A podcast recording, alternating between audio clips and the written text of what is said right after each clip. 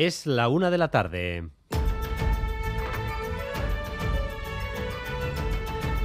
Crónica de Euskadi con Dani Álvarez. A Rachaldeón, la llegada del verano y el tiempo estable en el Mediterráneo multiplican otra vez el tráfico de embarcaciones dirigidas por mafias para traer migrantes a Europa. Empieza a ser ya una constante diaria la de naufragios y rescates agónicos. Ayer mismo, cerca de Canarias, el hundimiento de una de estas embarcaciones hizo que el mar se tragara al menos 37 vidas. Hoy hemos tenido la otra cara de la moneda. El Aitamari ha logrado salvar a 171 personas. Saitziber Bilbao. Sí, a bordo de siete pateras muy precarias, casi 300 personas trataban de llegar a las costas europeas. Han sido interceptadas en el Mediterráneo central en aguas de Italia, procedentes del África subsahariana. Países como Senegal, Burkina Faso o Gambia se cree que podrían haber partido de Túnez. Había más de 50 menores no acompañados, también dos bebés a bordo del Aitamari. Eh, navegan ahora rumbo al puerto de Salerno 171 personas y están todas bien. Y Seguiguren es la responsable de comunicación de la ONG Salvamento Marítimo Humanitario, propietaria del Aitamari, como decimos, uno de los buques que han participado en este rescate. Malta nunca responde. Se pidió a Italia, Italia dijo que, no iba a ir porque no eran sus aguas. ¿no? cabían todos en el barco y bueno, eso forzó un poco a que llegaran las autoridades italianas y, finalizaran el rescate, con lo cual Itamari en su barco tiene 172 personas y el resto eh, las llevaron los guardacostas italianos. Tras rescatar a las 172 personas, lo que ha hecho el barco Itamari es quedarse al lado de las otras pateras hasta que llegaran las autoridades italianas. Mientras en el Atlántico, en las aguas donde se hundió el Titanic, se agota ya cualquier esperanza de salvamento o rescate de los turistas que querían ver los restos del barco hundido.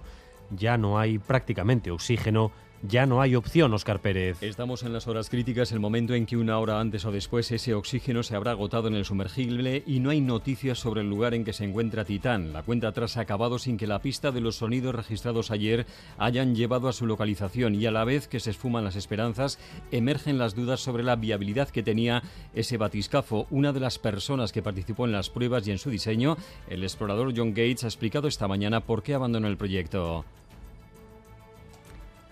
Y la crónica política de hoy se escribe en primer lugar en Vizcaya, en sus juntas generales. La Gelzale Ana Otadui volverá a presidir el Parlamento Territorial, pero en las votaciones para conformar la mesa, un pacto entre Euskal Herria Bildu y el Carrequín ha dejado fuera de la mesa al Partido Popular y ha entrado el Carrequín, que es el grupo con menos representación. Eh, hola, Charriola a la composición de la mesa es plural, en eso todos coinciden, si bien no con quienes la integran. PNV prefería que el PP, con tres junteros y grupo propio, tuviese un secretario, pero el acuerdo entre EH Bildu y Podemos lo ha impedido. Los gelzales no sabían qué sentido tendría el voto de estos y al final no ha forzado un triple empate entre PNV, PP y el Carrequín que les hubiese dado las dos secretarías a PNV y PP por tener mayor representación. Así las cosas, PP se queda fuera de la mesa. Ana Otadui repite como presidenta y la vicepresidencia primera es para la socialista Begoña Gil, la segunda para EH Bildu y las secretarías, lo dicho, para PNV y el Carrequín Podemos. Y ante el Parlamento esta mañana, otra vez en día de pleno, manifestación de los Erchañas.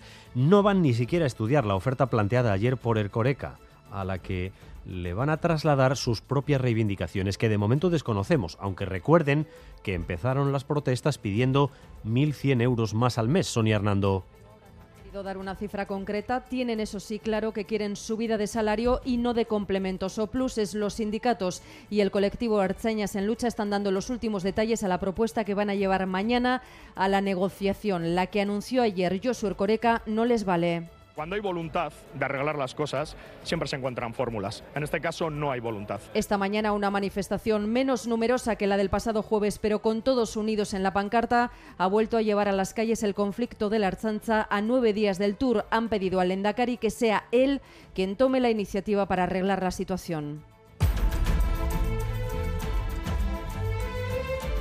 A nueve días del tour, como decía Sonia, se ha presentado también el dispositivo de cortes de tráfico en Bilbao a partir del 28.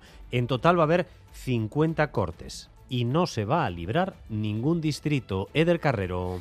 Y la salida de la Grande Bucle afectará en la mayoría de barrios y distritos de la capital vizcaína. Una de las misiones de la Policía Municipal será dar entrada y salida en todas las zonas con afecciones. Para ello informarán vía buzoneo con 110.000 avisos para conocer las alternativas. Recomiendan, eso sí, desplazarse a pie o metro o tren. El próximo miércoles por la noche, las inmediaciones del Parque Echevarría se verán afectadas para comenzar con la organización el día 1 de julio, día de operación salida. Por cierto, la ciudad estará cortada y aislada a las 9 de la mañana. Nora Bete, concejala de movilidad.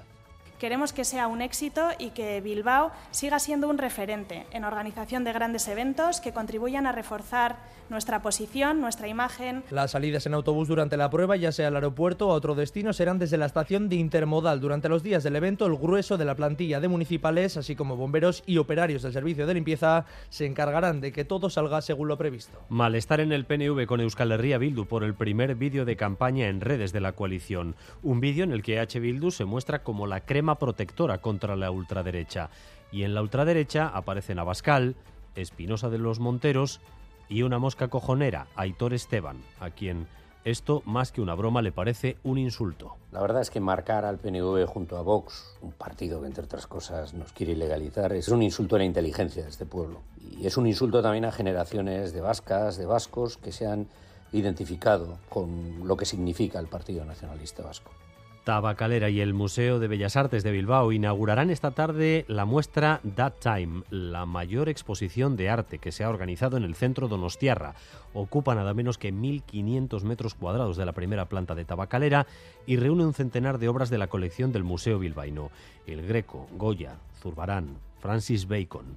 Habla de esta muestra Edurne Ormazábal, directora general de Tabacalera una oportunidad para disfrutar de obras maestras procedentes de la colección del museo, representativas de diversas épocas artísticas, mostradas en un contexto diferente, como es el de un centro de creación contemporánea, desplegando más de un centenar de obras, entre las que encontraremos piezas icónicas de la colección del museo, como el impresionante tapiz de Leger, Vamos también con lo más destacado del deporte con César Pérez Gazola. Zarracha León, César. Gracias, Don Dani. Se acaba de sortear el calendario de la próxima temporada en Primera División. La liga va a comenzar el 11 de agosto y va a terminar el 26 de mayo de 2024. En la primera jornada destaca el Atlético Real Madrid en Samamés. La Real Sociedad se va a comenzar la temporada en Anoeta frente al Girona. Osasuna va a jugar su primer partido en Balaídos ante el Celta, mientras que el Deportivo Lavés en su retorno a Primera va a disputar su primer encuentro en el campo del Cádiz. Y en golf hoy comienza en Estados Unidos, en Nueva Jersey, el segundo mayor femenino de la temporada. Participa Carota Ciganda, la golfista navarra va a comenzar su primer recorrido en algo más de media hora. Y en cuanto al tiempo, hoy la noticia es que ya no vamos a tener aviso amarillo ni ninguna alerta por tormentas y precipitaciones copiosas. De hecho, empiezan ya poco a poco a abrirse claros y los cielos despejados se irán imponiendo a lo largo de la tarde. Las temperaturas todavía eh, por debajo de los 25 grados. Tenemos 24 en Bilbao, 23 en Donostia, 22 grados de temperatura en Bayona, 21 grados en Pamplona y 20 en Vitoria-Gasteiz. Gracias un día más por elegir Radio Euskadi y Radio Vitoria para informarse. Raúl González y José Ignacio Revuelta se encargan de la dirección técnica y Aitziber Bilbao de la coordinación. Crónica de Euskadi con Dani Álvarez.